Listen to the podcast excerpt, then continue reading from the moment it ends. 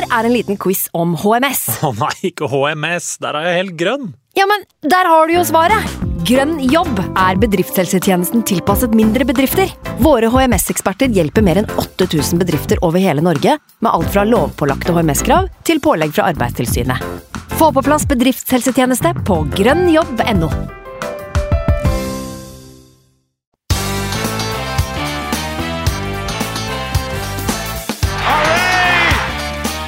It's Bergkamp. It's up for grabs now! The next station is Arsenal. Hello and welcome to a brand new episode of the Arsenal Station podcast with myself, Magnus Johansen, and my good friends Simen Goffeng and Sivert Skarstein Eriksen. Both Simen and Sivert is absent today, but boy do we have a great replacement. In fact, we have two great replacements, or guests of honor if you like. Regular listeners will notice that I'm speaking English today. That's because our main guest, at best, only will know the Norwegian swear words after have having spent a few days in, in Norway in the early 90s, on a preseason tour, in fact.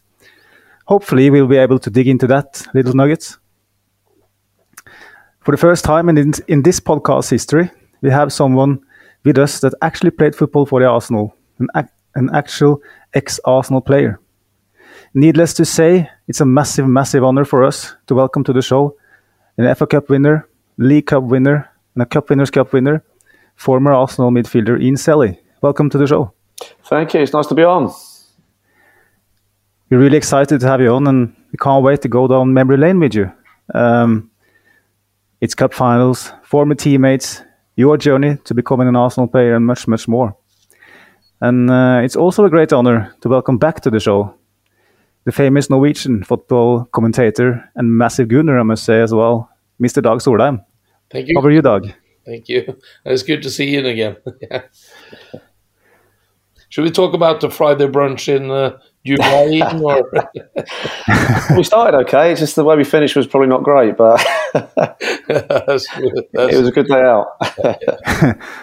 It's up to me, you, you guys could uh, do the show. But um, the reason we invited Dag, uh, other than the fact that you're a brilliant guest, is is that you do know Ian from before. Uh, why don't you guys start telling us how you met? well, uh, actually, we, we, I was uh, uh, for for five years. I was doing the Dubai International Cup, and uh, that year when I met Ian, I was there with uh, Jimmy Carter, who also played for uh, for Arsenal, and we we met up with Ian for. For a Friday brunch and Friday brunch, uh, Ian in Dubai. That's something special. That's really It is. It's a it's a big thing. Everyone looks forward to the Friday brunches. So uh, yeah, you've sort of pretty much got four or five hours unlimited food and drink. You know, so you can let your hair down a little bit and enjoy it. Yeah, and we used all the hours, I think. We did. I think we went over the hours as well. If I'm honest. But that was when you were working uh, working uh, for Arsenal uh, in, in in Dubai and in uh, in the, the Emirates. It was, yeah. So, um, yeah, we got off the job over there to work as a head coach um, with the academy guys at uh, with the Sevens uh, Stadium where the, the training ground was. So, yeah, we had eight good years over there and really enjoyed it. And um, yeah, I think I think as a coach, I thought I was a good coach when I went to Dubai, but actually when I was there, I, I learned a lot. You know, dealing with different international, different nationalities. Um, you know, we had sort of just over 500 kids a week that were coming through the school. So. Uh, yeah, we were very, very busy, and um, yeah, just being part of Arsenal in Dubai was was fantastic, and we loved it. You had to drive uh, all out in the desert to the Sevens to to to, to, to teach the kids. What, what what what was the standard of the kids like? It was good. We were open to all ability levels, um, so we had kids from sort of five years old going through to eighteen. So um, yeah, we had uh, development squads. Uh, technically, a lot of the guys were very, very good. Um, you know, we with a couple of boys that came back and did okay within the academy back at uh, Arsenal, and uh, you know, it was a mixed bag. But um, yeah, we with the league teams that we put into the local leagues all did very, very well. But um, you know, I had I think it was fifteen part-time coaches that I was looking after, and obviously I oversaw everything that went on at the academy, the training, the you know everything, you know everything. So I really enjoyed it. But uh, yeah, the training ground was like a, a Premier Premiership training ground. You know, the pitches were perfect. Um, but uh, I think the fact it was part of Arsenal was a huge pull for us to go there. But Um, what, yeah, I, I I just mean, would like to say about the Friday brunch. I mean, just sitting there with you two guys uh, who've been playing for the club I've followed for my entire entire life, and listening to the uh, to the stories uh, from the early early nineties, uh, uh, what all the fun you players had beside uh, what, that you winning winning trophies. I mean, it was a different era, wasn't it? It was, and it was, you know, it was, it, it was a fun time. You know, obviously we took training seriously and took the game seriously, but um, you know, outside of that, you could let your hair down a little bit, enjoy a few drinks with the players, and you know, George was very good at sort of, uh, he was very tough on us at the time, but you know, it was all part of sort of team bonding, having nights out together, and um, you know, just creating that bond between the team took us a long way. And uh, obviously nowadays, you know, you can't do that. The lads nowadays are, are athletes, and you know, obviously anyone steps outside of that and gets caught doing something they shouldn't do gets in big trouble. So um, you know, everyone nowadays has a camera phone. How did you get away that- with it? How did you get away with it? I mean, did you have an agreement with uh, with the media or? No, I, th- I think I think George George's thing was as long as you didn't put the the, the, the club in a bad position um, and yourself in a bad position, it wasn't a problem. So, you know, so, some things some things got covered up, but um, you know, ultimately the lads took care of each other. And if there's any trouble, it was you know we'd always make sure that it was you know smoothed over and um, you know it was all forgotten about. But uh, it, it was good because we had some big characters in the team then. You know, the Tony Adams, Merse was there, Wrighty. You know, it was it was a, a good a good honest environment. And when I always remember when we when we when I first turned pro, our trips used to be to Norway pre-season, Yeah. and um, yeah, I was only I think I just turned eighteen in my first. I wasn't expecting to go on the first pre-season trip and got invited on it, and I thought I'd just be shifting all the kit around and the skips around to help out, but actually, yeah, I was training with the first team, was going out with the first team. You know, we had quite a strict training schedule three times a day, but we'd get the off, off day off and. Um, we'd be able to go in the local bars and you know enjoy ourselves. So we used to have a, but it opened my eyes a little bit because obviously I'd looked at all these professional footballers as being athletes, and I wasn't expecting them to go into you know drinking loads of beer all night long, and you know it gave me a bit of an education how they did it. So you know.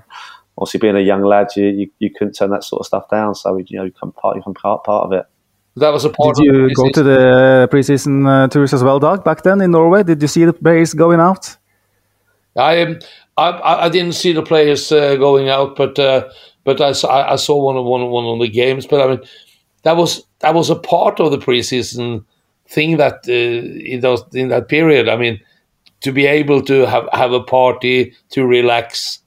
I mean, m- maybe that did you good as well. I mean, I think I think it does because obviously you, you have new signings coming into the squad as well. So George would sign players during the summer, so it was their their time to mix with the players and get to know them. So you know, once the season started, um, the group was very very tight, and um, yeah, the training was the training was very hard. It wasn't like we were going through the motions. We'd have three you know tough sessions uh, per day. Uh, we wasn't out every night, but every sort of th- third or fourth night, we'd allowed to go out for some food and some drinks and stuff. And uh, you know, George was one of these ones that said, "Look, as long as you're on the bus for ten o'clock the following morning, you know, it'll be another hard day tomorrow. You know, as long as you're on the bus, I don't have a problem with it. But don't don't get yourself into trouble." Um, but all the lads were fairly sensible. You know, they enjoyed themselves, but you know, within the laws, put it that way. But uh, yeah, we had a great time. We had a great time over there.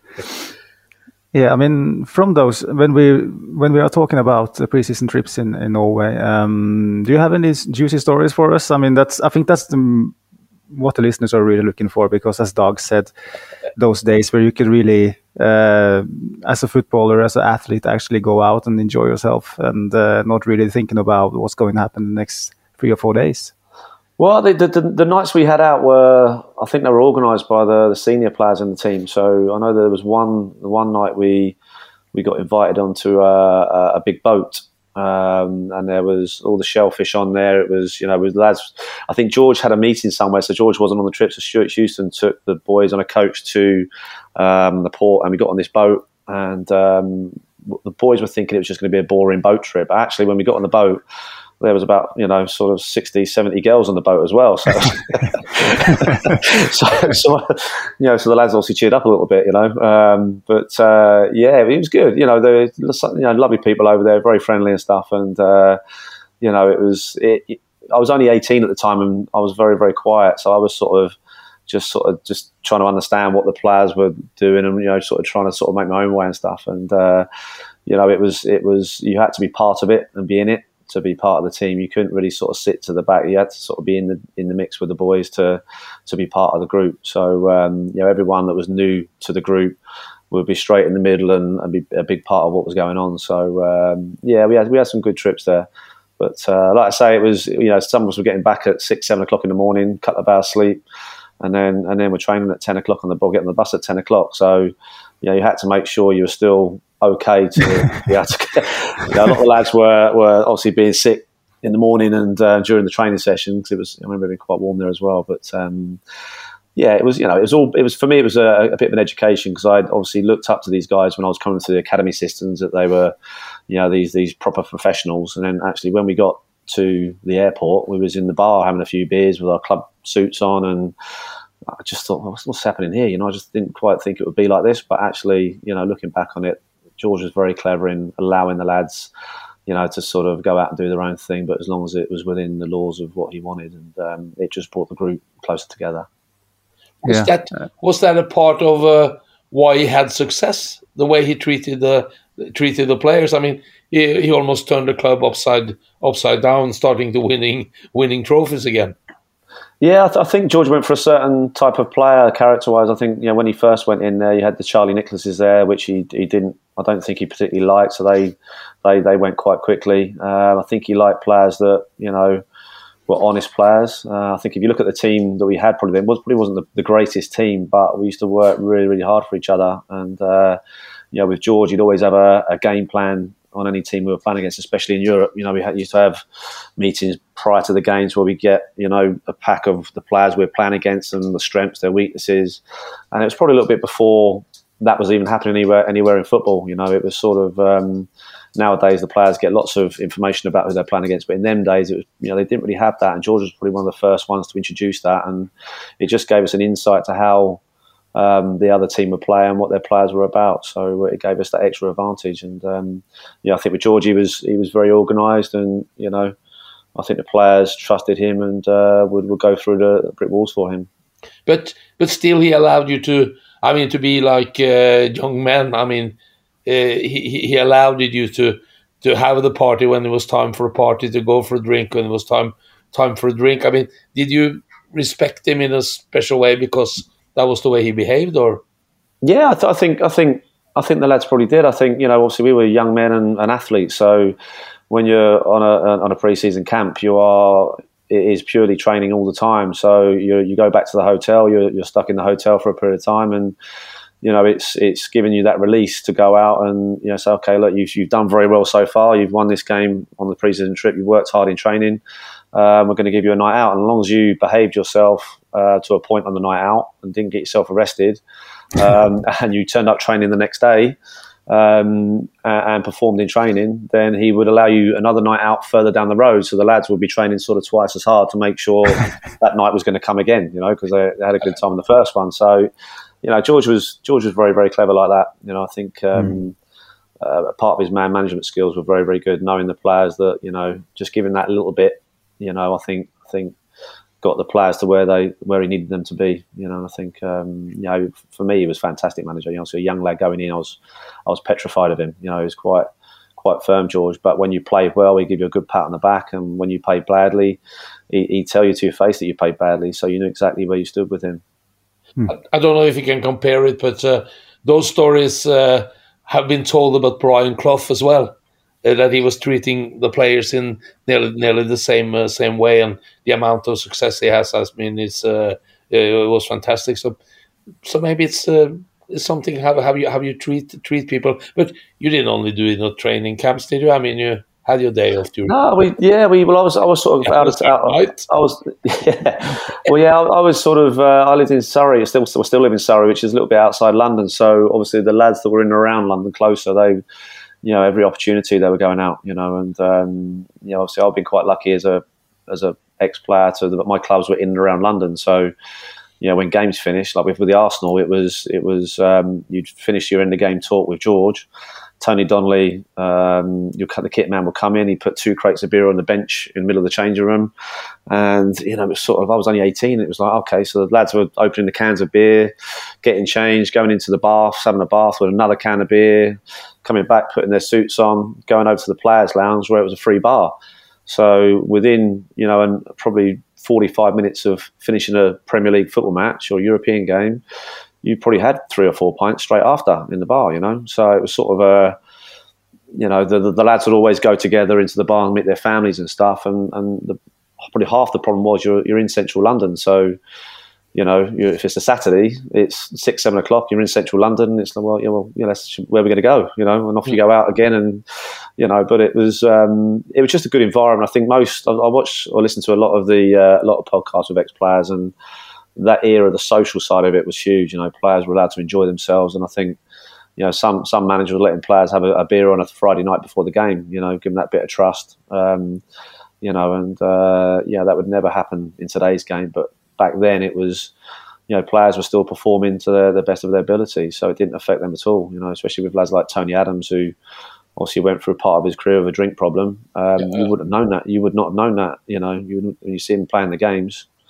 you wouldn't have thought that at all. You know, um, you know, uh, it's unbelievable. But, uh, it's actually unbelievable.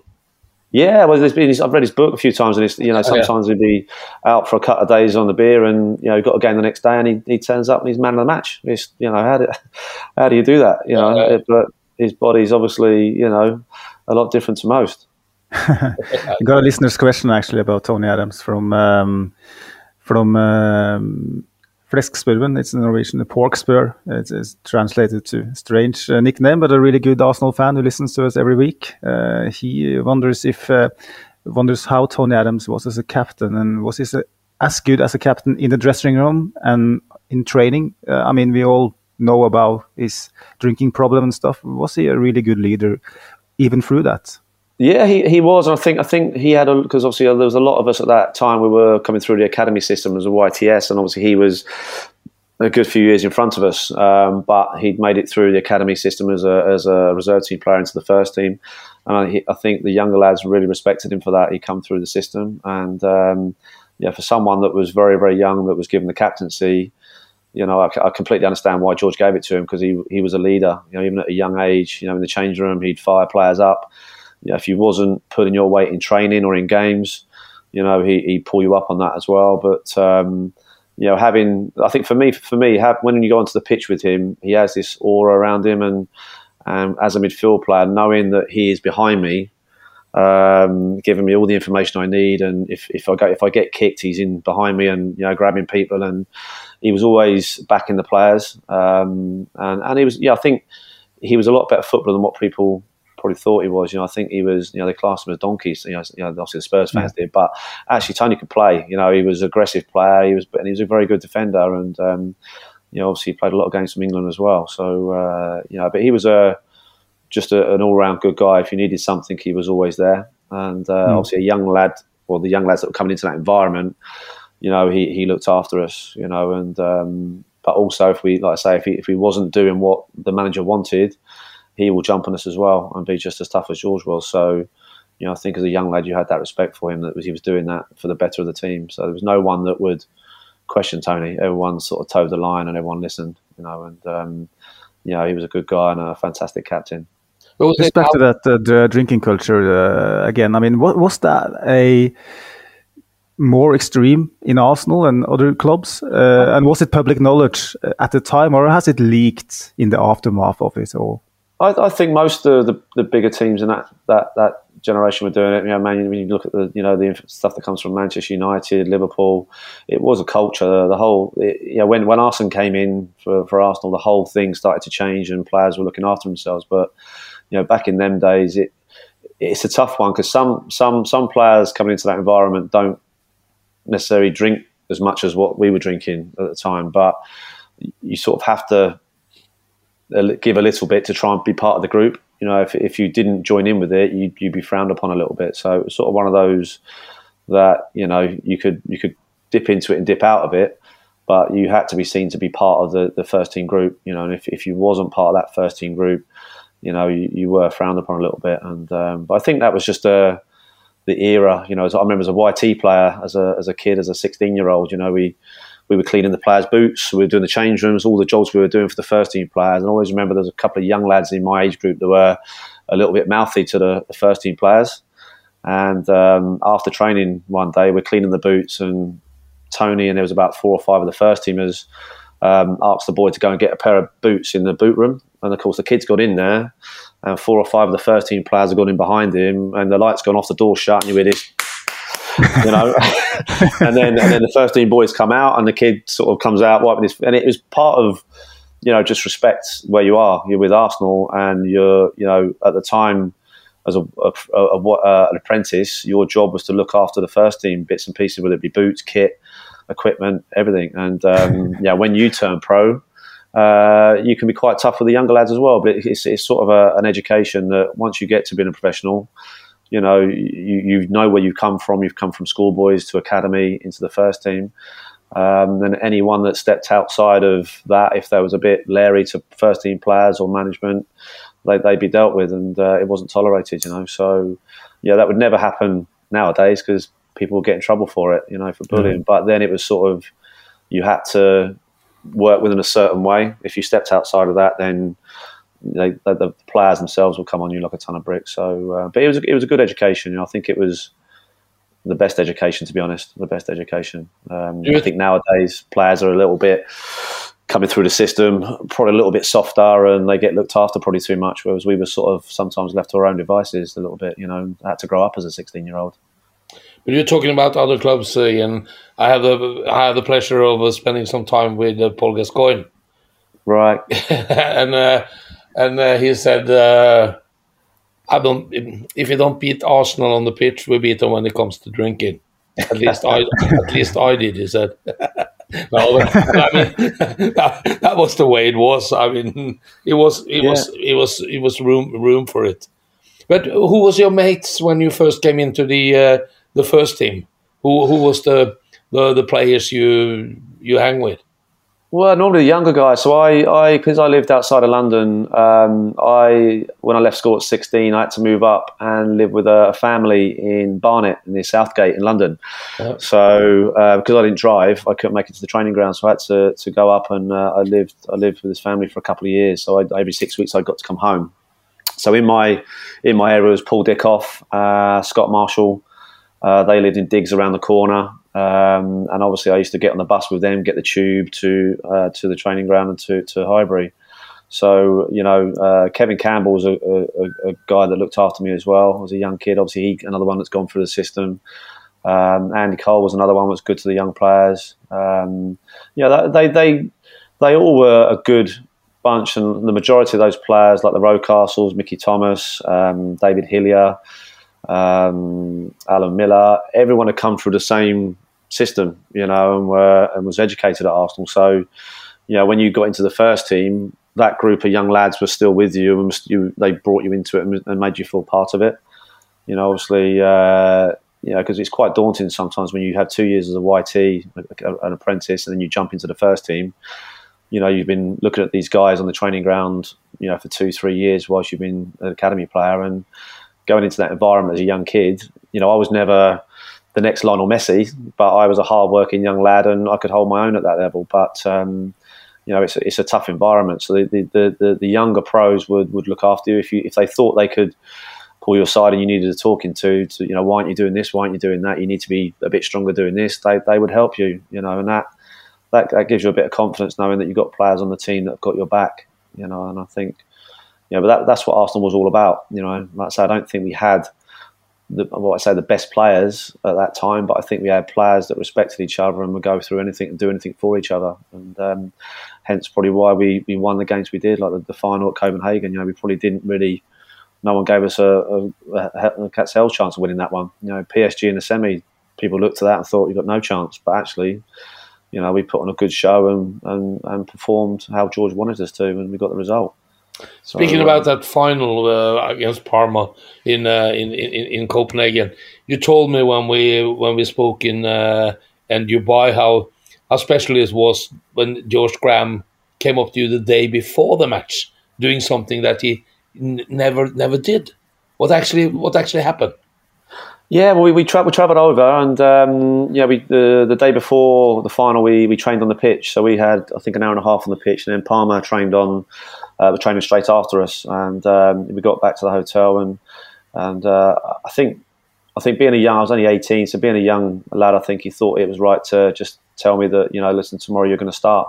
You know, I want you to do what you've been doing in the first team, and um, you know. You, we had a we had little information packs of players we were playing against uh, potentially, so we had an idea of what you know what was their strengths, what were their weaknesses, and uh, I think the fact that he told me um, probably allowed me to prepare myself the best I could. You know, I think if he hadn't told me, I still would have prepared myself the right way, but it may have been a bit of a shock to the system when he put the board up and your name's on there. He gave me a chance to sort of let it sink in you know, mentally and um, prepare myself right for it. And I always remember when you know the the team talk he did was fantastic. Um, you know, he, he, he told us that I think you probably heard this before. He told us that um, he spoke to the manager about the Parma players and they were going to get hundred thousand pound each for winning the European Cup. You know, and he, he was feeding these little bits to the players. And the players like, hang on a minute, you know, we're only getting six thousand pound if we win it, you know. And it was like, how can they get hundred thousand pounds? So these little mind games he was playing that you know you think, hang on a minute, I'm you know, I'm not going to let him get away with getting hundred thousand pounds for beating us. We're gonna we're gonna you know and. You know, it, it, wasn't our best performance. We scored early, but you know we were resolute and um, yeah, we got the job done. But just George was very good at that, just implanting little bits and pieces he knew that would fire you up a little bit and give you that extra edge on things. So, um, but uh, yeah, it was it's a strange one because obviously I've been quite lucky with all the medals that I've received, already being part of the first team. But at the time, you don't you don't realise the um, what's the word I'm looking for the how important these medals are, like an FA Cup and a European Cup. When you're when you're 18, 19, it's just like that's another game of football. Who are we playing today? We're playing Parma in the final. Okay, right, it's okay then. Yeah, and you don't think about it too much. You don't digest it too much. Uh, it's not until you retire and finish you think, actually, do you know what? That's a huge medal to have. That's a you know the FA Cup. That's a massive medal to have you know, play, good players have played their whole careers and not picked up any. You know, so um, I feel very lucky that I've I've managed to be part of something there. How much did you yeah. sleep that night? I mean, before the final. I didn't sleep great, to be honest with you. I didn't sleep that well. You know, I don't. I think. Um, yeah, it's, it's quite hard because the European trips you travel when you're in a hotel and you're sleeping in a different bed, and you know it's it feels strange because you've got another player in the room with you as well, which is a little bit strange when you're trying to get yourself to sleep and they're snoring or you're snoring or you know, so it's, it's it can be a little bit awkward sometimes until you get to know the person you're you're rooming with. So. Uh, you know, um, but uh, yeah, the, before games, I, mean, I never was a great sleeper, but um, I'd always enjoy what we call the afternoon beds. So we, we'd have a little light session the following day, the, the morning of the game. And then we go back to uh, the hotel, have lunch, and then we'd have a couple of hours in the afternoon to crash out and you know get some sleep. So that's that's the that's the sleep that I enjoyed most was that part. But when you travelled to Copenhagen, did you have any thoughts that I could be in the starting lineup? I could be. Uh, I, I, did, I did, yeah, yeah, because uh, Johnny Jensen uh, just had a knee op uh, so Ian Wright was suspended. He got booked for second booking in the the, um, the, the semi final, I think it was. Yeah. So he was uh, David Hillier. Um, I think he was coming back from an injury. So you know, I know that when they when the press got hold of the team, there was obviously Paul Davis, um, Stephen Morrow, and myself in central midfield, and you know, I've, I've, watched the video a few times. Um, it was on ITV in the UK, and I watched the video, and, and the, the, the, the, guys that were uh, commenting about the game didn't give us a chance. They, they sort of said we've got such a young midfield in there. There's no chance they can live with the likes, you know, the players we were playing against. You know, the Brolins, the Asprilla, you know, yeah, uh, some big players in their team. team. Yeah, you know, and, and a couple of 18, 19, 20 year olds in the team, you know, they're going to struggle. But, you know, we, we we had our roles and jobs to do in, within the team, and um, you know, like I say, it wasn't pretty football we played, but you know, uh, Alan Smith scored a great goal, and we, we just hung on to that really. Yeah. How did you sleep the night after the game? it didn't. you know what? I, I, remember when I when I watched the video a few times. The last fifteen minutes, I could. I used up so much energy. You know, I think the excitement of the final and all that that, that went on. I think mentally and physically, I was just so drained. And uh, you know, obviously when the final finished, it was more just of a, a relief. And we got in the, the, the, change room, had a few drinks, and on the coach had a few more drinks. And you know, um, it was it was it was a bit surreal, you know, because it was I was only I was so so young, and we'd already been in the FA Cup final, League Cup final the previous season. We played the European games. It was all just sort of like a, um, a bit of a dream, really. It wasn't. It didn't feel like it was reality. It was just like I'm doing something I love doing and we're actually doing quite well at it. You know, we're winning games, important games, and um, you know, it was just uh, it wasn't until like say I retired, I thought, oh my god, that that two three years was something pretty special. You know, with a group, a good group of lads that enjoyed a, a good time as well. I, I think yeah. we felt it in. Uh, I was in Copenhagen, of course, and I think we felt it in the stand as well. I mean, all the Arsenal supporters talking about we being the underdogs, uh, the great Parma side, and uh, we got the injuries, yeah. and of course we didn't have Ian Wright on the pitch. I mean, uh, that was the talking point f- for everyone. And I think to win the final like that, I mean, it's it's so sweet. I mean, it's I mean, to a lot of finals with Arsenal and seeing them winning a lot of trophies, but I think that one was was so special. Yeah, because, I think, I think uh, the way we did it, with yeah, the team I think, we won it with. Yeah, I think sort of on social media, that's probably the most talked about final. You know that that yeah, one yeah. You know, people talk about it all the time on social media, on Twitter and stuff. And um, yeah, the support that night was unbelievable. It was, yeah. you know, it was frightening, and that that's another thing that I think helped us. That whole side was just covered in Arsenal fans, and the noise yeah, they generated was, yeah, it was something special. That was, and um, that was a great night. You know, it, would be interesting to see how the the senior like lads like Tony Adams and Alan Smith before the game whether they started to doubt that. You know, also got a few young boys in the team whether we'd struggle a little bit, but um, be interesting to see what their thoughts were when they saw the team line up and gone, oh, you know, we've got Ian Selley and Stevie Morrow in there. How are we going to, how are we going to get this one over the line? But you know, um, fortunately, we did for us.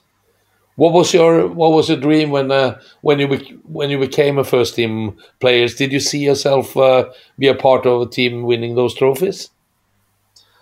Um, I, th- I, think initially, also my, also my dad uh, was taking mum, dad was taking to the games and stuff, and he he always said from a young age when I started going to Arsenal as a 11, 12 year old, he said, look, you've got to look two years in front of you. Who's in front of you? Who do you need to, you know? If when I got into the the schoolboy team, you know, Ray Parlour was the year above me, and he was about a year and a half older. Ray was. He was a lot bigger than I was. And he said, "Look, that's the guy at the moment you've got to chase, you know." And uh, of course, we come out of the youth team, then went into uh, sorry, schoolboys went into the youth team, obviously Ray was a, a, a, second year of YT and I was a first year, and I didn't get much game time in the youth team because obviously Ray was sort of dominating because he was the sort of guy he is and the player he is, and um, you know it was all, I was always looking to see who was who was in front of me. Like Dave Hillier was another one in front. Stevie Morrow was in front of me. Paul Davis, uh, Rocastle was in front of me. So you're sort of just trying to. I was always just trying to watch them on the training pitch and watch them in games and just sort of try and pick up little things from them that can help me out and try and improve me and just sort of see what George liked within those players. Um, so you know, you, you've always got to be performing at your best. Every time you train, you've got to try and do the best you can. And, and I was always open to getting into training early, doing extra bits before training, staying after training. You know, Dennis Bergkamp was for me was one of the best guys that he'd always be in first. He'd always be the last one to leave. You know, and you'd watch him work on different bits and you stay out there and you do a bit with him as well. When he's hitting free, you know, 50 free kicks into the top corner. When he comes to a Saturday, he just sits in the top corner because he's probably taken four million free kicks before that. So it's it gave the young lads a bit of an education that you know he's he's as good as he is because he does the extra bits. You know, and if anyone wants to improve, they have to be like that. You know, to try and get to where they want to be. So, um, but uh, yeah, no, we were we were fortunate there. We had some good characters and good players come through. Uh, you played in the under 21 team and for England as well, and I guess uh, lower levels uh, too. Um, how were you perceived? I, I, I, guess Dag as well can answer this. I mean, how was Ian Selley perceived as a player when he was breaking through the, the first to the first team? Um, I, th I, think I was just hard working. I think uh, I could pass a ball. Um, I'd always keep possession. It's 21 hours, um, and I think that's probably why George played me in in Europe a lot into the European games because I was I was organised. Um, I always kept the team shape and I kept possession all the time. So, but also I had the legs to get up and down the pitch as well, so I can attack and defend. So, um, you know, obviously going into the, the England under 20, 21s and the 18s and 19s and stuff, it again, we had a, it, I was going into a good environment with good players in there, you know, seasoned pros that are there, you know, Nicky Butts, um, Chris Bart Williams was at Sheffield Wednesday playing very well, Nicky, Nicky, um, Nicky Barmby was there, Sol Campbell, uh, Jamie Redknapp. You know, we had a we had a very very good team. So you know, going to these these European tournaments, went to the, World Cup in Australia as part of England. You know, you, again, you're you're with these players, young players, and you're you're you're sort of learning bits off them as well. You know, that can try and help you. So um, know, I was I was. I'd, I'd, loved going away with England, but I know that when when we when we uh, had the FA Cup and the League Cup final, um, we had to travel to uh, I think it was Australia for the World Cup. Think the, uh, the World Cup in Australia, and the the players that were asked to travel, uh, they had to travel. The, clubs had to let them go. So the, I remember the all the Premier League clubs kicking up a fuss because a lot of us were playing the first team regular, and of course they had to pull them out the first team to take them to this trip to Australia. Yeah. And um, you know, I was, I'd played it probably the most amount of games up to that point. I'd played one time. I uh, went to Australia. I, I, tweaked my hamstring a little bit, so I didn't play too much over there. Uh, then when I came back, we were sort of um, two, three weeks away from the cup finals, and uh, of course I lost my place for the the finals. I like to think if I would have stayed, that I could have probably played in those cup finals. You know, um, mm. you know, sort of one regret, but the, the, the, club didn't have a choice; they had to let us go. Um, but again, the shirts, it was obviously squad numbers in days. I had the number four shirt in the finals, so I know that George would have probably gave me that opportunity. But the fact that I travelled away and come back, I probably wasn't as fit as I could have been, and you know, I didn't. I got on the bench, but I didn't quite make that.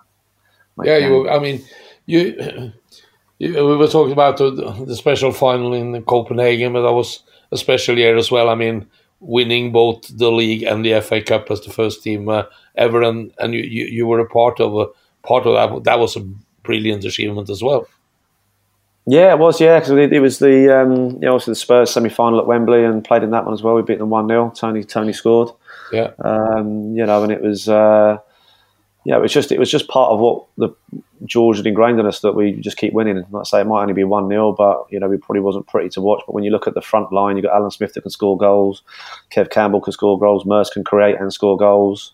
Ian Wright can score goals from anywhere. So actually, we were defensively very, very strong, but on the attacking side of it, we we were creative as well. You know, so um, you know, looking back, I think as a team we were we were a very very good team. You know, um, because I think part of what George pre-season got the players bonded. It it helped us over the line. I think.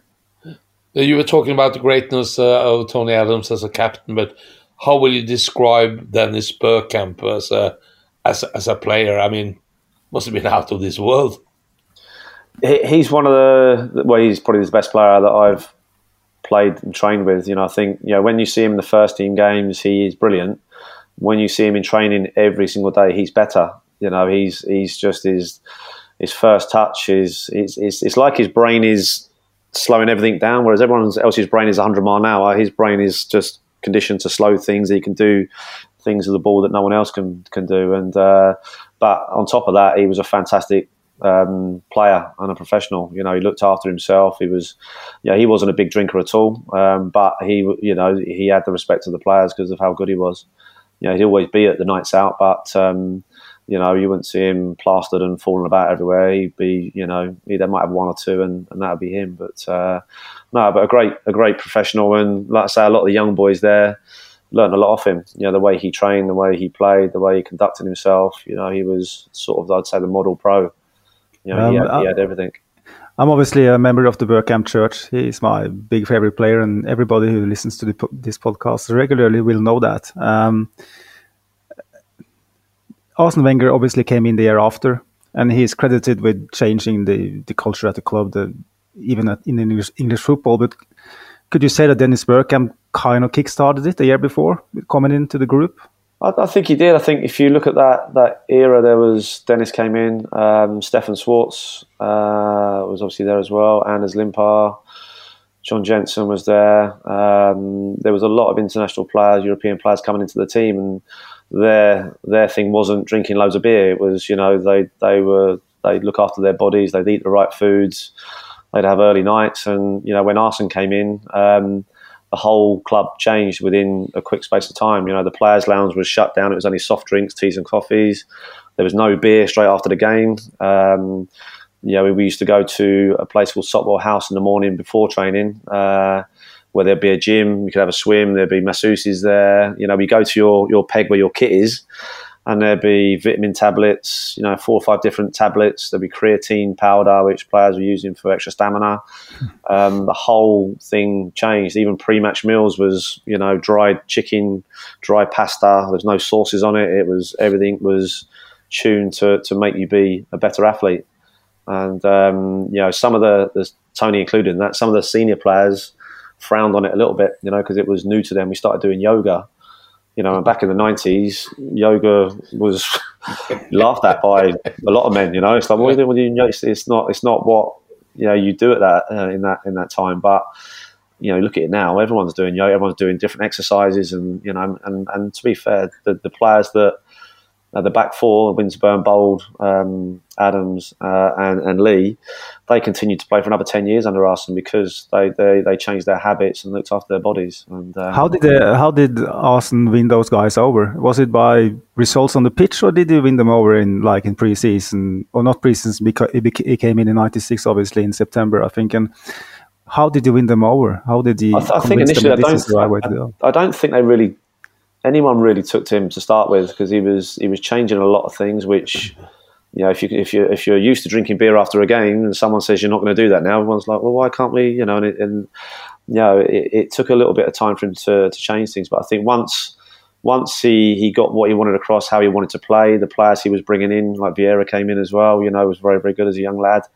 You know, I think the first teamers could see that the club was going in a different way and to win things, they had to to do things differently. And um, you know, like I say, with the back four there and David Seaman behind them, they, they, they carried on for another 10, 12, 15 years when Arsene was there. So, you know, it just shows you that, you know, and Ray Parlour's another one that, you know, who'd have thought Ray would adjust to life like Arsene tries to put across, but he did and, and, and played a lot of games under Arsene. And, um, you know, obviously the trophy cabinet doesn't lie. They had a, they had a great team and the way they play was, um, how the Premier League was starting to shape up. You know, it wasn't so much direct football; it was it was um, playing in between the lines and moving the ball quickly. And I think probably one of the reasons why, you know, I think when I come back from my broken leg, I don't think I where I was previously, but I think his thing was short passing. He liked players in midfield that short passed, and I like to hit the long diagonal pass across the pitch. And I always remember in training when I, I hit a couple of great balls across the pitch for I think it was Omar Overmars and I thought that's a great pass. And he said, no, stop, stop, stop, stop, stop, stop. Ian, when you get it, just pass it, you know, Perez or whoever it is, just someone 10 yards away. And I was like, oh, okay. And of course, your brain's conditioned to get it and you hit another one. He's like, stop, stop, stop, stop, stop. We're going to shorten it. It's got to be short. It's going, you know, the ball, the, the warm ups were always uh, training with, with, the ball. You know, with George, it was always, you know, running and, you know, that's how we condition ourselves. But the, the ball was introduced more into training. Um, okay. And Arsene like to do things at tempo, but very, very short, but sharp. Whereas George would do keep ball for, you know, 45 minutes. And then after 10 minutes, the, the standard drops because players are getting disinterested in the session. Whereas Arsene would stop it every five, six minutes and then they go again. So every time they trained, it was at a certain level all the time. Um, and that, that, that obviously improved in the games that they played as well. So, you know, I think it was needed to be changed. And I think, like I say, I think it was frowned upon a little bit to start with, but then players started to trust Arsene a little bit, the way they were playing, the way they were getting results. Um, and then everyone bought into the, the yoga and the vitamin tablets and, you know, the, the, the, drinks that we were given. Could you tell us a story about your leg break that because you you missed a whole season, didn't you? Yeah, I had a, had a lot of problems. Um, yeah, so I had a double fracture. I got it at Leicester. Um, and I, again, I played a good run of games there, and it was just a, an awkward tackle. Um, but uh, I had a, a, cast on it full length for I think about six months. Um, was getting X-rayed every six weeks, uh, uh, but it wasn't healing. So they decided to put a pin uh, down my tibia, down the centre of the tibia, um, open my kneecap open and, and whacked it down. Uh, and after four or five weeks, I had a like a big tennis ball size lump on my shin, which at the time at the, at the time I was living on my own, so I didn't I wasn't feeling great, but I didn't feel brilliant. And I was uh, the odd occasion I'd be sick during the day. I lost a lot of weight, um, and I had to start a septicemia. Um, so my dad came around to see me one weekend, and I was crashed on the sofa, not really eating much for a couple of days. Uh, lost a lot of weight. You know, I'd been sick a lot, and he literally just picked me up, put me in the car, took me down the hospital, um, and I was in the hospital for about three or four weeks. Uh, yeah. And they they opened up the the big lump, the infection on my shin just left the wound open, and I get it drained every three or four days um, just to get the infection out. So um, they did say if I wasn't a, a, footballer, they might have decided to take the lower limb off. Wow! So I was in a bit of a you know a bit of a bad way. So um, yeah, but re- myself from that, and then uh, managed to get myself uh, fit. But it did take a long period of time. You know, it took. You know, I went for a few ups and downs. Um, you know, character wise, you know, I sort of went off the rails a little bit a couple of times you know, uh, probably drinking too much because you're obviously used to having all this adulation about playing. All of a sudden now you've got you know probably ten months and I'm on crutches and I can't walk properly. I can't even open the door. I can't go and make a cup of coffee. I can't. You know, you sort of go from being completely mobile, doing everything you want, and doing something you love doing, to not being able to do anything at all. And I, I struggled to cope initially with that. You know, but um, you know, you, you you find ways of, of getting yourself out of that. And the best way for me was to go training and go in the gym and do a load of weights, but be part of the group still. So, um, but yeah, it was, it was a it was quite a tough time, you know, quite a tough time. But you know, you sort of when when I that's probably a reason why I've made so many comebacks with a second broken leg and I've snapped my Achilles and I've you know had so yeah. many injuries, but I've always come back for those injuries. So I know how important and how much I enjoyed playing football. So a lot of players probably would have gone, I've had enough now. You've had three or four major injuries, that's enough. Um, but I always kept coming back from it because I loved I loved the game. Yeah. You sometimes think back and think if not those injuries had, uh, had come? If, if I'm honest, every day, yeah. every, every, every day, I you know, you wake up in the morning, you think, you know, obviously we've got a, a, nice place. We live in a lovely place at the moment, fortunately. But you always think, well, you know, if I if I hadn't got injured, you know, I could have gone to there and got, maybe got to play for England for a little bit and done this and been a big part of what, yeah, maybe doing what Ray Parlour was doing, you know, because I was always competing with Ray, you know, and. Uh, you know, he had a good career under Arsene and, and, and done excellent, done very, very well. So I always, there's always that thought that I could have been, that could have been me, or you know, I could have been part of playing alongside Ray or, or whatever. But yeah, I'll be honest. Every every day you think that. Every day you wake up and you know, if you're in the car driving somewhere, you think about football. You think, oh, you know, what what might have happened. What, but it is it is what it is. You get dealt the hand you get dealt, and you've got to move on from it and crack on. But still, you must be proud, Ian. I mean, have you uh, have you were fighting to get back and that you were able to come back uh, twice after such uh, such big injuries? Yeah, yeah, no, no, I take pride in that. To be honest with you, like I say, it's it's yeah. it was it was a tough a tough part of my life. Um, you know, when I when I got fit again, obviously they took the pin out of uh, my shin. Um, played a few games under Arsene, and then I got sold to Fulham, uh, where Al Fayed, the Harrods owner, bought the club and uh, Ray Wilkins and Kevin Keegan were in charge there. So I knew Ray from the under 20, 21s, England under 21s.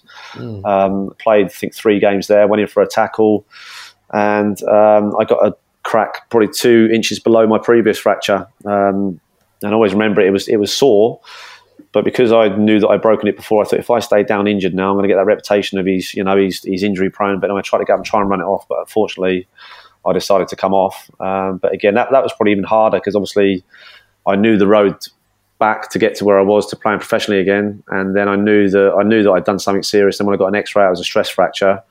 Um, but again, I had long complications. But it took me a year and a half to come back from that. You know, so but I was I was mortified really because obviously I knew I always remember when I saw the X-ray in the changing room.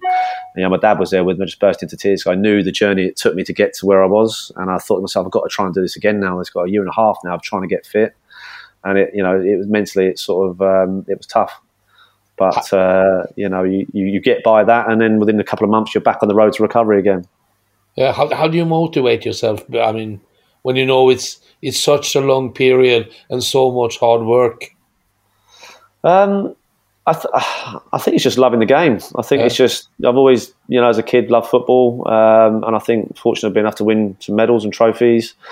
And there's always that you want to get back. And, you know, when you go to the gym at these clubs, you know, you're looking out the window and the players are training and they're having a laugh and a joke and you're there, you know, on the bike or the, you know, for an hour. And it's like, it, it mentally, it can, you know, can tip you over the edge sometimes. But there's always that drive to get back. And, you know, obviously, you know, you're not going to be where you were previously. But, you know, I'm quite lucky that I, I got back to a level and, you know, I went to Wimbledon for a little bit and then went non-league, well, a good sort of non-league career. But, you know, I really enjoyed getting back into it, you know, but, uh, you know, I do think a lot of players would have gone, I'm done now, I've had enough of this, you know. But um, I knew there was, if I get back fit again, I knew that, you know, I could I could still get a good number of games uh, behind me and, and, and, start enjoying football again, which which I did do, and I'm glad I did do that. Mm. Well, you came to Wimbledon uh, in the summer of 2000, wasn't it? When when the Norwegian has destroyed the club.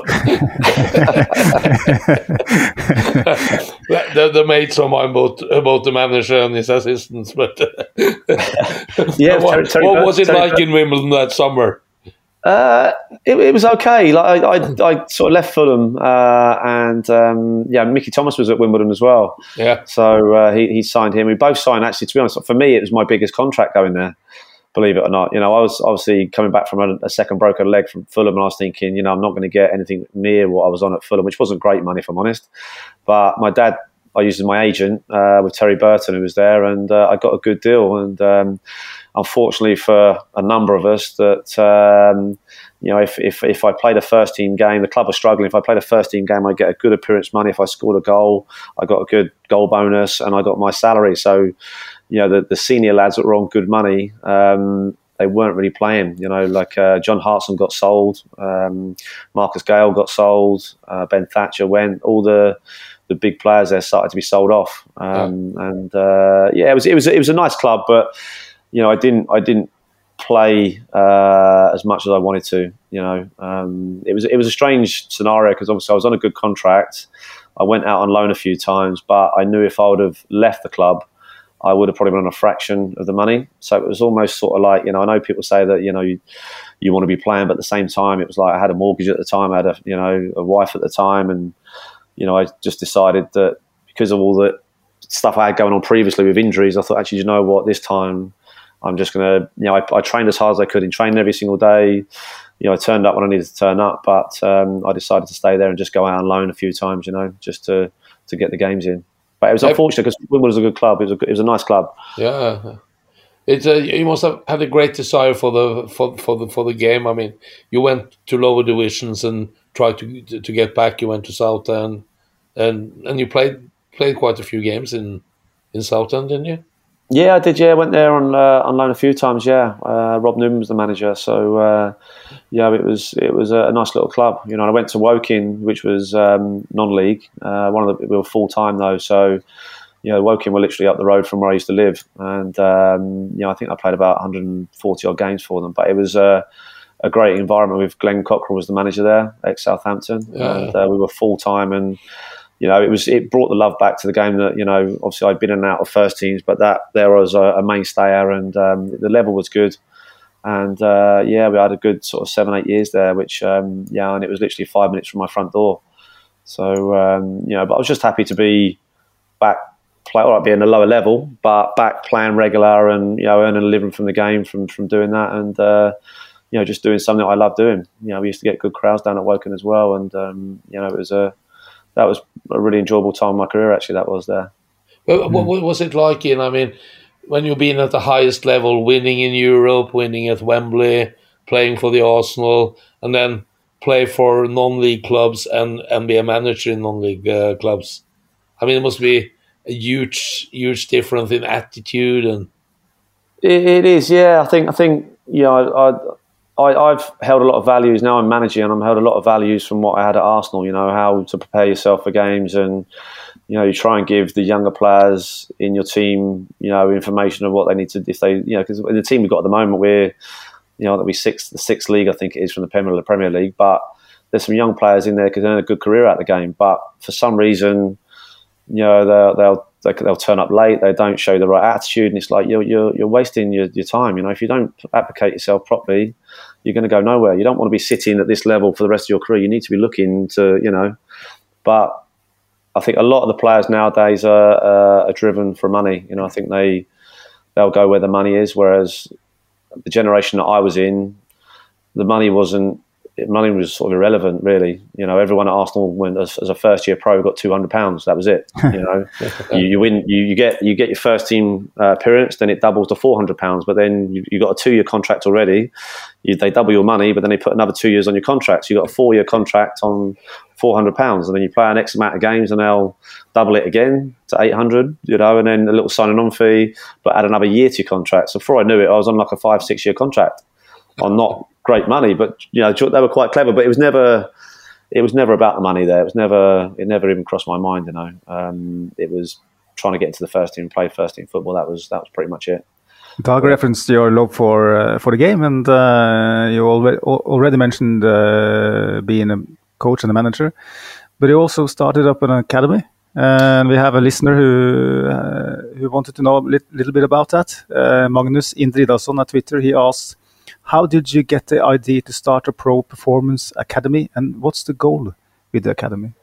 Okay, well, obviously, I, I run the uh, the Arsenal Academy in Dubai, um, the head coach over there. So when we moved back to the UK, um, we, I say we, I decided to start my own academy, uh, which is literally uh, we train at a club called Abbey Ranger. They've got a brand new 3G pitch. Uh, it's a nice venue. We decided to um, target uh, children between 15 and uh, sorry, five and 14 years old, um, open to all ability levels, and uh, you know every Friday now, Friday we've got 120 kids that come in, and um, it's, it's grown and grown and grown and we've managed to get players to Southampton. We've managed to get players to QPR, uh, Brentford. Um, you know, so the lads that show us potential, uh, we won't just keep them. We'll move them onto the pro club. So um, the coaches that we have that come in have all played at certain levels, uh, all experienced the game and can mentor the kids as well. So you know, it's it's about in, enjoying training. The, the, sessions are always fun, so the kids enjoy it. But but to, to work on different aspects of their game. So you know, we're we're keen to push the children to, to if they're good enough, they want to, to, to pro clubs um, to start their journeys. So we're sort of uh, we don't conflict with the grassroots football, the club football. We'll just train once a week. Um, it'll be an organised training session. Uh, you know, we do Player of the Week, we give out a trophy. Player of the Month, we give out a trophy. We've had Mickey Thomas has come down a few times to, to, to, you know speak to the kids and chat to the parents and stuff. So yeah, it's just it's just been nice to be able to give something back locally. You know, obviously, I'm always I'm back in the area I was always lived in before. Um, obviously, I know everyone around the local town and the area, and obviously, most people know me through football. We decided to start up the academy um, to help kids between five and fourteen years old. And um, yeah, it's been it's been really good. The feedback's been good, uh, and it's it's open to any levels. It doesn't have to be an elite player. It can be a new starter. They'll get put up in a starter group. Um, but it's the essence of just getting them the fundamentals of football and getting to understand the basics. And once they get to a certain age, obviously we increase the intensity and the sessions become harder. Um, but no, the, the, feedback's been really good, and it's it's it's just nice to be able to to be able to give that back. You know, put that on for them, and um, you know, I know that when they come in, they, they enjoy it, and it's uh, it gives you a good buzz knowing that they've they've had a good time when they come in. Um, but I'm quite lucky with the coaches. We've got uh, 12 part-time coaches now, so you know they're all you know qualified coaches that sort of have that same passion that they want the kids to enjoy it and have a good time, but also learn as well. And uh, you know we've been lucky enough to send a few of the kids to uh, the pro clubs, which is great.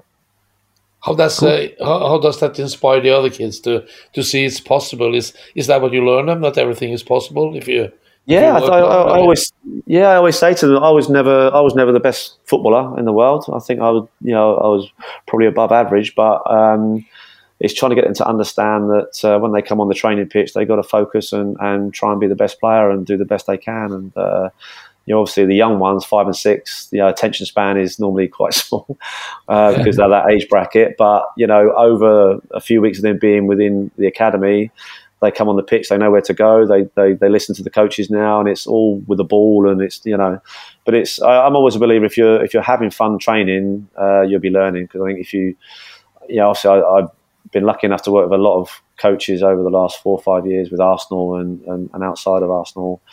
You know, it's important the coaches put on good fun sessions that can give the kids an education. So when they're training, they don't realise they're doing certain drills, but they are actually doing it, which is improving them uh, as a player. So um, you know, it, it, someone has to be a professional footballer. So why can't it be them? Someone's got to do it. So uh, you know, it's it's up to them if they want to dedicate themselves, and you have to tell them as well, the older guys, that you know it's not all about Ferraris and big houses. It's a lot of work to get to that point. You know, it's a lot of giving up stuff and you know extra training and being focused and you know it doesn't they don't just you don't just sign a contract for 100 million pound a season you know it's there's there's stuff in behind that to get to that point. So they you know some kids see, watch the players on TV thinking it's easy. They put an Arsenal shirt on they should be signed for Arsenal but actually it, it doesn't work like that. They got to they got to put the effort in. Mm. which which uh, your former teammates do you do you keep in uh, keep in touch with Quite, quite a few. Uh, obviously, Jimmy Carter, we still speak to him once a week. Uh, David, yeah, David Hillier, I see quite a lot up at Arsenal doing the Arsenal commentary. Uh, Perry Groves, Chrissy White. Um, spoke oh, to Stefan. How is Chrissy? How is Chrissy? He's all right. Yeah, he's okay. Yeah, yeah same old Chris. Same old Chris. Yeah, yeah. I had some great times with him in in, in Portugal. Oh, he's yeah, he's a good lad, Chris. Yeah, yeah he's, he's, a, good he's lad. a good lad. He's a good lad. I mean, yeah, yeah, yeah, yeah. yeah. Uh, give yeah. him my regards when you see him again. I mean, He's fantastic. No, we'll do. Yeah, yeah and I'm quite fortunate because we we got um, we we play for um, the Arsenal vets team over in the UK. Yeah. So we got we got our first game in May, uh, just outside of London. So um, yeah, we tend to we have a WhatsApp group which all the players are on. So we have a bit of banter on there through the week and stuff, a bit of Mickey taking. Yeah, uh, that must be great. And, it is. It's, it's, it's nice actually, you know, because it's you know obviously when we turn up for these games like with Jimmy and stuff, Jimmy's will all Jimmy Carter will always be Jimmy Carter. Yeah. You know, even though we've all got a lot older and we can barely run now, it, the, the, the banter in the change rooms are saying Jimmy hasn't changed. No one's everyone's just got older, but are the same you know yeah. deep down inside. So it's, it's good because sometimes we get overnight stays as well in the hotel before the game, so we can have a catch up, have a few drinks and stuff, and uh, yeah, it's, it's, good fun. It's good fun. It's good fun to be part of it. You know, I've been about uh, that. Uh, sorry, oh, sorry, go on, Dag. No, come on. I, I just uh, I've been fortunate myself. I mean, to be able to to to work uh, television with the Premier League for for for a decade. But how, how do you find it to be a to be a commentator? I, I found it quite hard to start with. I found yeah. it quite hard to start with. Yeah, it took me a little bit of time to um, get to understand how everything works. You know, obviously, you know, commentating in the gantry at Emirates now, which I've done. I've done quite a lot of games recently, which is great. You know, and uh, you know, trying to get that timing where if a goal incident's happened and it comes up on the screen, you've got to slow yourself down a little bit. And it's just I'm learning all the time, but um, it's it's. It's, it's nice to be still involved with the club and, and be able to go to Emirates and watch the games. You know, just to sit there in a good seat and you're you're commentating. You, you know, I'm not obviously the lead commentator, but I'm just commentating on the highlights bits. But it's just nice to be part of that and be part of the club. You know, it's uh, and it's great to be watching the team because the team's playing fantastically well at the moment. And um, a lot of the, the commentary we do is a lot of positives that we're, we're saying, which is great. You know, it seems to be a whole new different feel to the club at the moment. You know, we, I did the first game of the season at Emirates, and it just seemed different. It just seemed very buzzy and. Uh, you know, there was no negativity anywhere. It was all positive, and um, you know, I think Arteta's done a fantastic job there because he had a lot of doubters initially. Um, you know, I was one of them, if I'm honest, but yeah. he's managed to, to, to get the team together, and um, you know, he's got a he's got a great side there now. Sometimes yeah. it's, it's nice to be wrong. Yeah, it is. Yeah, yeah, yeah, exactly. Yeah, yeah, I, yeah. I was doubting me as well. I mean, oh, I thought no, this this this, this wouldn't work.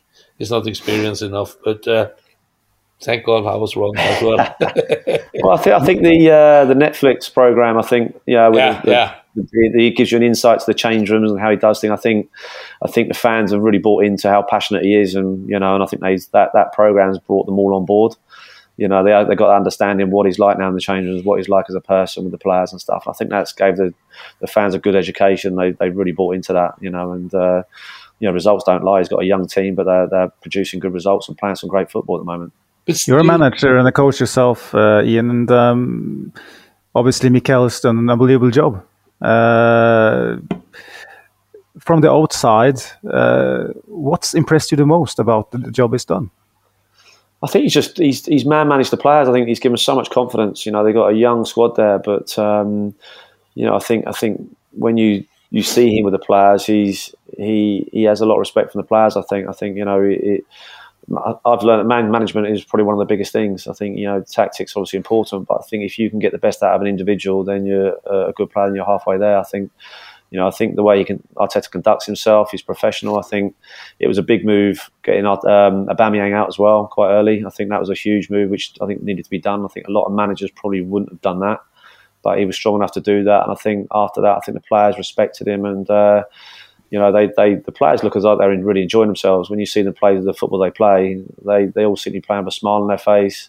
You know, there seems to be that, that buzz and that confidence. And, um, you know, I think defensively we've been much, much better this season. You know, I think the, the back four has been good. I think Zinchenko's is a great signing. You know, the yeah. way he comes inside now, he's an extra midfield player. And, you know, I don't think anyone's ever seen that before. A left back coming inside and, and, and assisting players, assisting goals you know the way the way they play, they've got a good rotation all over, you know, and a good yeah. understanding, um, and they're very organised, you know. And that that is, I know as a manager, that takes a lot of time to to get to that point. You know, it, will take hours and hours of training time to get to that point where the team understands how he wants to go about it. But uh, you know, he's, he's done it, and he's like I say that they're playing some good football, some really good football, and it's exciting. Do you see any any parallels uh, with Mikel Arteta and George Graham in terms of how he's had a group of young players, hungry players, uh, kind of being underdogs and then just really going for it. Obviously, I don't remember the late 80s, but I read Yeah, a lot about I can it. tell you about thought- it. Well, I think I think I think they probably are a little bit similar. I think you know I think with Arteta taking Aubameyang out of the equation, I think that took a lot of guts, and uh, you know he's strong enough to be able to do that. And George would have done the same. You know, I think um, as a manager, you really do need to have that respect from the players. If you haven't got that respect, then you're you're not going to go anywhere. And I think you know you have that that element of players being a little bit scared of you sometimes. You know that you can fly off the handle, and I think Arteta you know, as calm as he can be, he can fly off the handle. And when you've pushed him that far and you have that reaction, you know you've upset him. Um, but they they they they are they're organised now. Arsenal, George teams, George's teams are always organised. You know, defensively.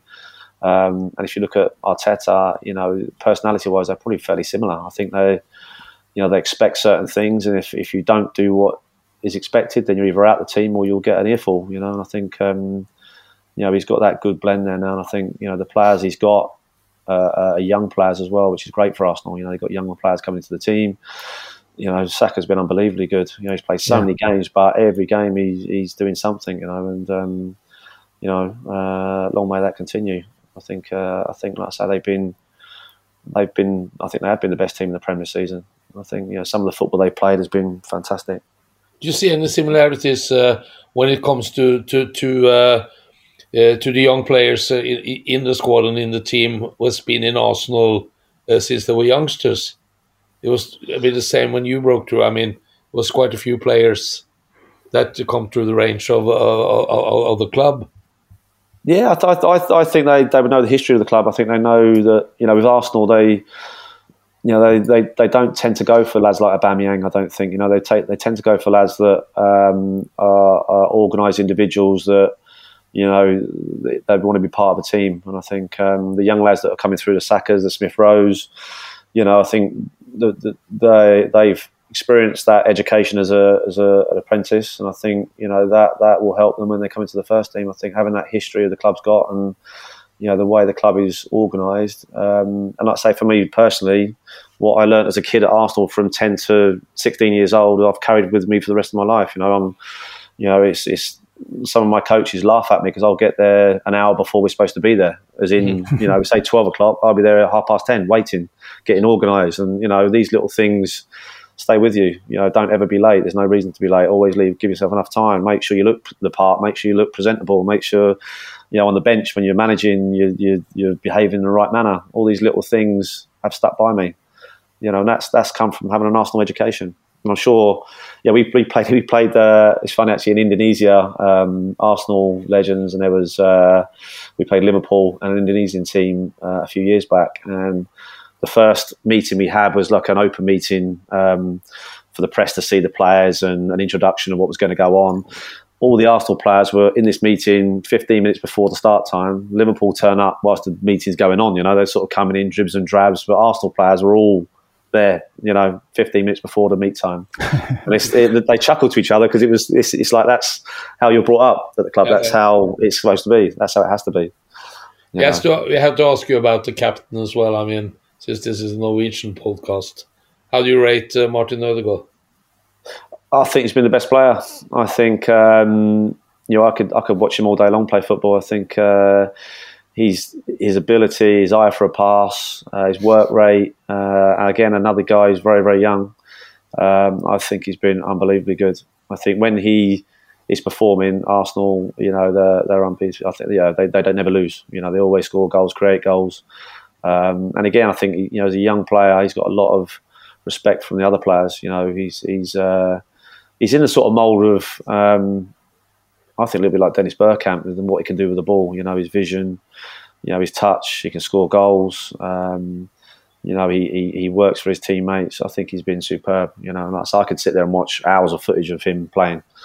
You know, and again, he looks like he's in the park with his mates doing a bit of tippy tappy football. You know, he's moving the ball around, but. Uh, yeah, I think when he's in the team, he's he's brilliant. He's absolutely brilliant. You referenced So- Dennis Bergkamp, and, uh, obviously he was a very serious player, as you as you said. Um, and probably the thing that uh, excites me the most is how Mikel Arteta uh, describes Martin Ødegaard, like he's some such a such a model professional. Yeah. um, such a leader, and is it, it look like it seems like he's never late, never done does ever No. anything that's yeah. Uh, it seems like the most professional guy in the in the dressing room, and um, and the most serious guy as well. And you can see that stare he has sometimes on the pitch. That also reminds me of Dennis Bergkamp. I mean, that Yeah. death stare he can give some players, and then there's a pat on the back after the game. I mean, do you recognize any of those uh, those uh, characteristics as well? Yeah, I think so. Yeah, I think if you look at him as a as a player, um, you know, he he demands the best from his teammates. You know, I think he's one of those that you know you, you never really see him jumping on players, uh, but like I say, the death stare, the, the look is enough to sort of say, look, you need to pull your finger out. You know, he's he's, one of them that demands the best. You know, and uh, from from individuals, and you know. But again, at the same time, the fact that I love, I love about him, you'll see him chasing back, making tackles. You'll see, you know, if you look at players like Ozil that came to the club, you know, Ozil loved going forward, but you never see him. You see him walking back. You know, he had so much ability as well. But Yeah. Odegaard's got both. He'll do. He's happy to do both. He'll track back. He'll defend. But I just like the fact that every time he gets the ball, you ex- you're expecting him to to do something with it. You're expecting him to open a de- defense up, expecting to put someone through. Um, but um, yeah, and when you hear him talk, he's you know he he talks well. He talks like an Arsenal way. You know, he's he's he looks professional. He, he conducts himself well. Um, and uh, I think gone are the days now where you get a, a six foot four captain who's aggressive. Now you've got a smaller guy that's an unbelievably football, good footballer. You know, the, the, you know in the, in the 90s you go for the big lad who was aggressive to get the team going, but now you've got a footballer and the team's a captain that you know the players respect because how good he is. You know, he's um, he's, yeah, he's a great great player, and hopefully. You know he stays clear of injuries and he's uh, he'll be fit for the remainder of the season and um, you know take us over the line hopefully. You Yeah. said something when you described uh, Dennis Bergkamp earlier, the way Dennis was able to slow things down because because it was ahead of everything. Yeah. Is that something you see in Martin as well? That he can Yeah, do the yeah, same I think- things? Yeah. Yeah, I think he, he can manipulate the ball, and you know, just it's just his passing range is great. Short passing is great. Long passing is great. It's very very quick, and uh, you know, it, everything seems very easy for like Dennis. Everything seems very easy for him when he's got the ball. He's never Yeah. under any pressure. He can take his time, and it's like. You, know, you see other players when they get the ball, it's 100 mile an hour and they panic. But when he gets it, he- he's just on a different, you know, time level to everybody else. You know, and um, he's he's a complete ball player. You know, uh, you know, he's not a guy that goes flying into tackles. He stays on the feet most of the time, but he's very very clever and very effective. You know, and um, I'm just hoping Arsenal can keep him there for a good good number of years because I think he's uh, the centre part for Arsenal. I think he's been their best player so far. But what everyone wants to know, Ian, is will we win the league? We will. I think we will. I think we will. I think we're all, as Arsenal fans, are all a bit worried that the wheels might come off somewhere along the line. But I think, I think there's enough confidence in the. I Arteta's brought enough confidence in the team now. If they, you know, I'm not going to say they're going to win every single game that's going, but I think they're, you know, if they lose a game, they'll bounce back from it. And I think um, there's going to be some twists and turns. But I, I think they've, they're doing enough to win the Premier League. I think they they've worked hard. I think they and I think they believe it as well that they can win it. I think maybe the last few years you know, everyone wants them to win it, but actually, I think this is the first time when I see them play and doing the commentary, I'm thinking, do you know what, this team's good enough to win the Premier League, you know, and and I think they deserve it as well. They play some fantastic football. They've been consistent. You know, the goalkeeper Ramsdale's done great. Defensively, we've been great. Midfield Partey in there, been fantastic. You know, um, Jesus coming in the team, I think, as you know, he's, he's fit again now. But I think when he first came in, added a different dimension to what how he went before. The understanding of him with Martinelli and Odegaard and Saka, they all seem to be on the same level quite quickly. Um, but uh, yeah, it's, it's good to be an Arsenal fan at the moment, definitely. You've been in a, uh, quite a few pressure situations yourself, Ian, and um, I think it's a bit different now. Um, they had two weeks out of the bubble, in a way, in, on international break, and they Yeah. know now that these 10 games, these are the last 10 games of the season, no uh, breaks, just these t- 10 games. And uh, I mean, mentally and emotionally, uh, Mikel Arteta speaking to these guys, these young players that most of them haven't been in this situation before. I mean, how did you how do you think he will approach that? I, th- I think he'll be quite simple with it. I think he'll just play it down a little bit. I know there's a lot of pressure, but I think as a young player, like I said before, you don't really know the the, the what's the word I'm looking for. It's, it's, it's a, for a young player, it's a game of football. You know, even though it might be a World Cup final, it might be a, a, a it's, it's, a game of football. So I, I, think if you, you know, as a senior player, you'd probably think about it more. And if you make a mistake or if you make a bad pass, I think you, you know, that we have to win this game. If we don't win this game, we could go second. I think young players will just treat it as a game of football. I think they'll go out there, and I don't think there's they'll feel the pressure too much. I think senior players might feel it a little bit because they understand you know, if, if things were to go wrong, what could happen. Um, but I think young players, because they're they're super confident and they're enjoying what they're doing, I, I, don't think I don't think the younger players will struggle with it at all. I think um, you know I think they'll cope with it well. I think the senior players will be the ones that might need talking to. You know, I think sort of the senior lads in the team that sometimes you can, as a senior player, you can overthink things a little bit. You know, you can the night before games you can think, you know, if I do this wrong, if I do that wrong. But I think younger lads I don't think that'll come into their heads. They'll just treat it as a game of football. Um, yes, there's a lot at stake, but um, you know the way they've been playing and the way they've they've performed, they should be as confident as anybody. You know, I don't think you know there's you know there's any way of looking at it. And I think Arteta will you know probably just play it down a little bit and just let them go out there and, and do what they normally do. You know, I don't think he's going to stress them out with overdoing it with with the younger players at all. I think they'll just let them carry on and um, you know uh, do exactly what we've been doing previously.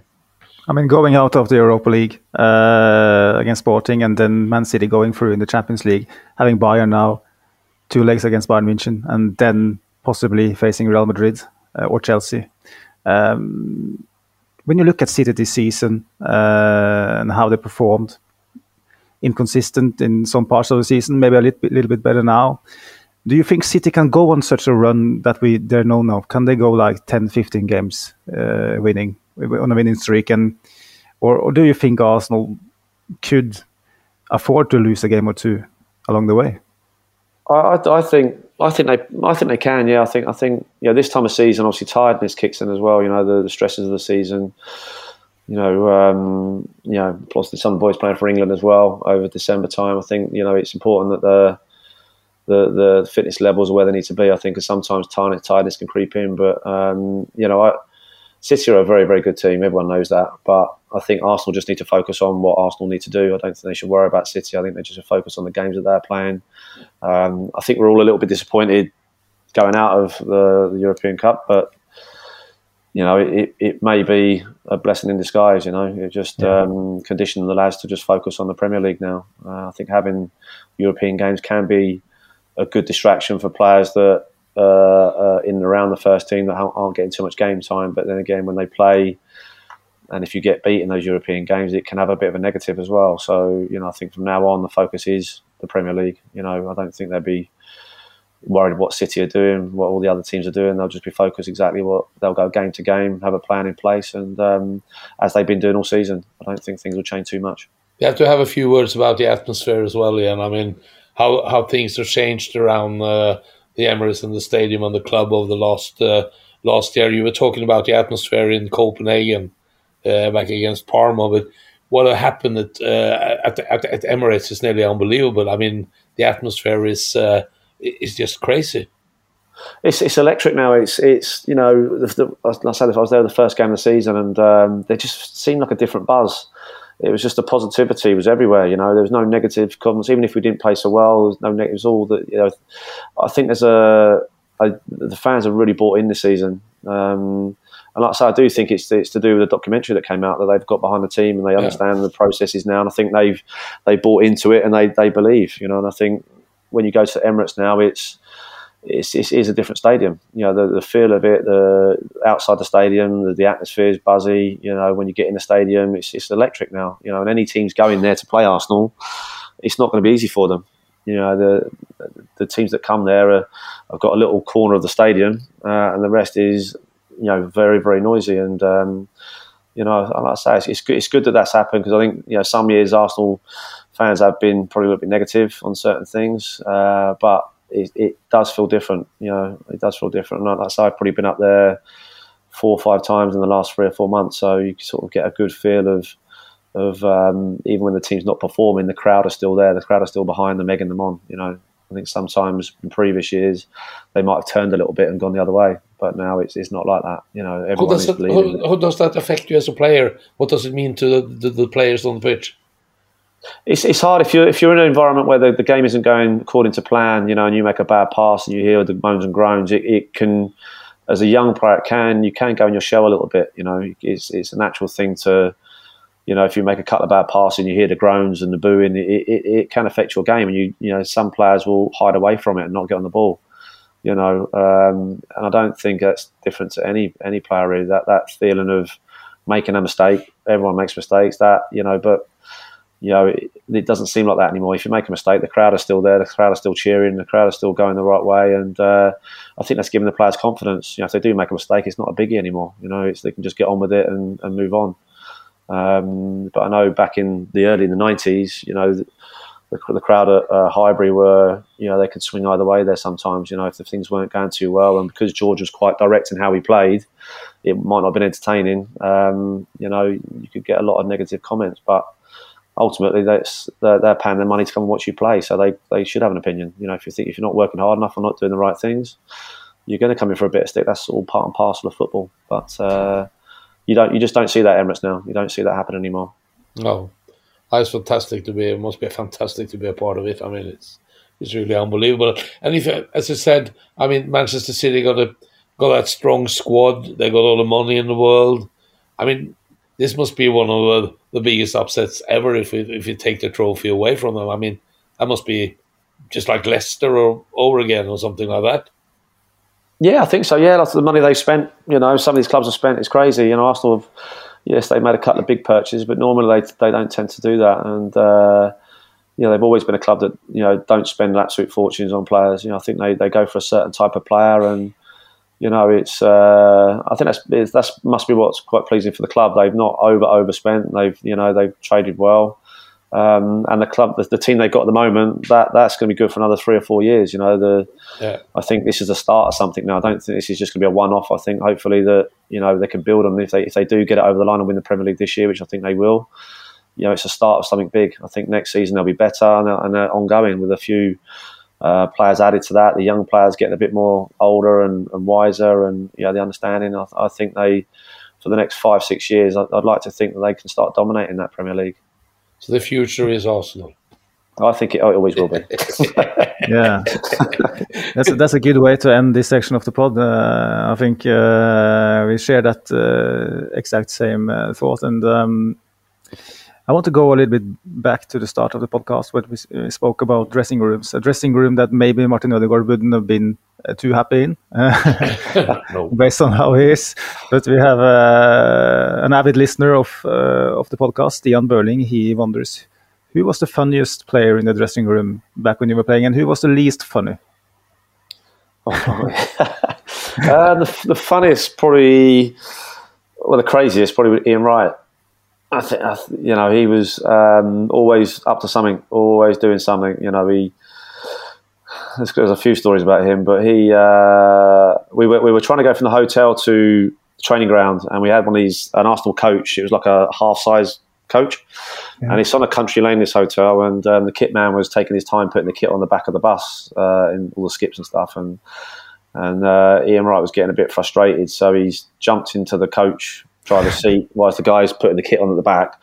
He's started the coach up down this country lane and he's gone tearing off down this lane. There was cars. I remember when there's cars coming the other way and it's a, it's a sweepy road and there was a fence down the left hand side of the bus and he's he, he didn't know how to stop the bus. He couldn't find the brake, so he's crunching in the gears and I remember looking across and Dave Seaman just put his head down like this, and and for about half a mile we pulled down the whole of this golf uh, this golf um, a golf course, the whole of this fence for half a mile, ripped all the side of the bus down. He was he was shaking in the end. He was, but it, it was funny. But everyone was um, yeah, everyone was pretty scared of that one. But uh, that's that's what he was like. If he he was just up to mischief all the time, all the time, you know. Yeah, but uh, a great character having a team. You know, he's um, you know, it's what the team it's what the team needed was someone like that to sort of, you know, especially when you've got the big games coming up and someone that can sort of take all the you know the stress away from thinking about the game. He can take you down a route that's funny and you know distracts you a little bit. And um, yeah, the fantastic character he was. How did the managers handle him? I mean, like George Graham, how did they handle Ian Wright? I think I think Ian had a lot of respect for George. They they had fallen outs, you know, after games they'd be screaming at each other, squaring up to each other. But that's how Wrighty was. But George would always be the winner. He would always have the last word. Um, but it, you know, but he got the best out of Ian Wright. I think George. I think. Uh, I think someone, if they went a bit too strict with him and didn't let him get away with certain things, he might have gone the other way. But I think George knew how to. That's what George was good at: how to man manage players to get the best out of them. Um, you know, he was. Uh, you know, as a manager, he would have been a nightmare. You know what I mean? Just sort of thinking every day you go in, he's going to cause some problem here, some problem. You know, he's just one of them characters. But you have to have one of those characters in the dressing room. You know. Um, but uh, yeah, fantastic guy though. Do you, do you see George Graham? Do you, do you, do you speak to him? No, I was I was I, I got offered a ticket, director's box ticket. Uh, I think it was, was it last week, uh, and I see George was in the director's box with um, yeah, yeah, he was on the pitch. Bob Wilson and stuff. Yeah, I see that. Yeah, yeah, yeah. I've not se- I've not seen George for actually probably since I left the club. If I'm honest, Oh, Um, because I- I still- I got a little, little bit scared because he didn't, uh, if I can say, he, he didn't look well. I mean, he, no, he looks like he's, turned he's old. and- yeah. Yeah, yeah, he does. Yeah, yeah. I don't know how old he is now, but um, yeah, I thought that as well. He looked I a little bit. Yeah, Is he seventy-eight? I think he is. Yeah, yeah. But I see Pat Rice there as well. Pat Rice was Yeah, there, yeah, and Bob Wilson. Yeah, all the all the legends there. yeah. But uh, that's great. that The clubs are the club's still looking after players, you know, and Fantastic. bringing them back in because they're, they're the club legends. You know, they're the guys that have put the club on the map ultimately. You know, yeah, back in their yeah, day. Yeah. You know, and uh, they've inputted so much to the club. Great stuff. I think uh, we stole enough of your, of your time now, Ian. If uh, Dag doesn't have a few more questions, um, Oh, I I thought it was going to last for 90 minutes. yeah, nearly. Oh, it's Really? brilliant! It's brilliant, Ian. Very nice to to, to, to talk to you again and to see you again, and uh, it's lovely. So No, yeah, Thanks for letting me uh, come on. I really appreciate it and enjoyed it. yeah. Yeah. So we take a Really, Friday really brunch when we find the time. I'm still going to have the last one. Ask Jimmy. Ask Jimmy. He did ask a Great. shot. Thank you for Great sharing stuff, with us. guys. Great stuff, Okay. both of you. Uh, thank you, Dag, and uh, thank you, Ian. Um, hopefully, we see uh, see each other again uh, shortly, and uh, and hopefully, we will win the Premier League. Fingers We will. crossed. We will. Cheers. Cheers. All right. Cool. Have a nice okay. evening. Thank Bye you. then. Cheers. Bye. Bye bye. Da håper jeg dere koste dere veldig med samtalen med tidligere Arsenal-spiller Ian Selly, og ikke minst eh, Dag Solheim, som dere kjenner fra Kanal Pluss-tida, og ikke minst eh, alt han har gjort for eh, norske Arsenal-supportere eh, i mange, mange år. Jeg koste meg i hvert fall veldig, selv om jeg ikke nødvendigvis snakka like mye som jeg pleier å gjøre. Da er det godt å ta en liten debrief her i et par minutter, men eh, det er ikke grunnen, selvfølgelig. Eh, grunnen til at jeg adresserer eh, massene nok en gang, det er rett og slett fordi at vi har litt ta takknemlighet å servere. Denne praten med Incelli den hadde ikke vært mulig uten Svein Skaret og Dial Norge, som jo vi har hatt en en dialog med for så vidt på sosiale medier og videre siste ja, halvår i hvert fall. Eh, veldig hyggelig, hyggelig kar, Svein. Og han, som oss, så prøver han å produsere Arsenal-content på frivillig basis for norske Arsenal-supportere. Som oss så er han eh, flink til å promotere supporterklubben. Supporterklubben som også har vært med i bildet her, med å, med å få. Vet, dere vet jo at vi har et samarbeid med Arsenal eh, Norway. og mm, det var jo de som tok kontakt med oss først, og så har vi hatt dialog da med, med Svein og Dial Norge. Eh, og I den forbindelse så må jeg gi en shout-out rett og slett til nettsida som han produserer. Der kan du lese både kamprapporter, du kan lese nyheter. Eh, han har et retrohjørne hvor, det- hvor det er både intervjuer og videoer av diverse ka eh, kamper som eh, er episk, rett og slett, i Arsenal-historien. Eh, han har en London-guide for de som ønsker å reise til London, som kanskje ikke har vært så mange ganger- i London, eller kanskje ikke har vært der i det hele tatt. Jeg har jo bl.a. Eh, bidratt med en artikkel der eh, om min erfaring fra London, hvor jeg forteller litt om eh, det året jeg bodde der, og litt om hvilke puber du bør besøke, og, og litt sånn. Så har du en spillebørs, du har eh, preview foran kamper og masse snacks. Eh, så um, det er jo nesten ildsjelbasert. ikke sant? At man bruker av sin eh, fritid utenom jobb uh, ubetalt for å, å, skrive og produsere innhold om, om Arsenal uh, på den måten som Svein gjør. Fått med seg Trond Sæten også, som er uh, tidligere skribent for Arsenal Norway. På, I hvert fall på gunners.no, så vidt jeg vet. så gå inn på dialnorge.no og få med dere innholdet som produseres der uh, flere ganger i uka. Det, er, det er, anbefales uh, varmt og, og, inderlig. Vi i Arsenal Station er tilbake, vil jeg tro, allerede mandag. Ja, det er vi nok. nå ble det jo en litt lite avbrudd på podkastrytmen vår. Vi er jo som regel på plass mandag morgen. nå fikk vi med oss inn selv på en mandagskveld, sånn at podkasten kom på tirsdag. Jeg tenker at det er greit når vi får med oss en X-spiller. Neste uke, så er det, eller uka, denne uka her, da, kan du si, så er det jo hjemmekamp mot Leeds klokka fire på lørdag. Deilig. Kom dere ut. Bestill dere en, eh, en, pizza og litt snacks og se, se Arsenal Leeds eh, på pub, eller sitte hjemme og kos dere. Eh, det er ikke så ofte Arsenal spiller klokka fire på lørdag, og det er nesten liten happening i seg selv. Jeg skal selv ut, og mm, for første gang siden november. Så jeg tenkte jeg skulle slette Snapchat og Instagram og sånn, sånn at jeg er sikker på at ikke det blir noe uheldig content fra, fra min side. Eh, kanskje bør slette Arsenal Station sine sosiale mediekanaler, så jeg ikke har muligheten til å poste noe der. Men uansett, jeg skal ut og kose meg, og det håper jeg det flere skal gjøre. og Oppfordrer alle igjen til å, å følge oss på sosiale medier. At både Arsenal på Twitter, på Facebook er det bare å søke opp Arsenal Stationpod, og like oss, rate oss, del oss eh, på de podkastplattformene dere bruker. Og så tenker jeg at eh, det, dere har hørt nok fra meg i dag, selv om jeg ikke har snakka så mye. Så ha en eh, fin uke, og så høres vi igjen eh, etter helgerunden. Up the Arsenal. Ha det, ha det. Hei.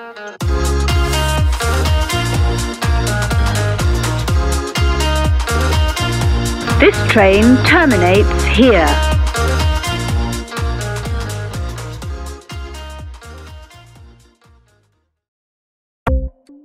Ukens annonsør er HelloFresh.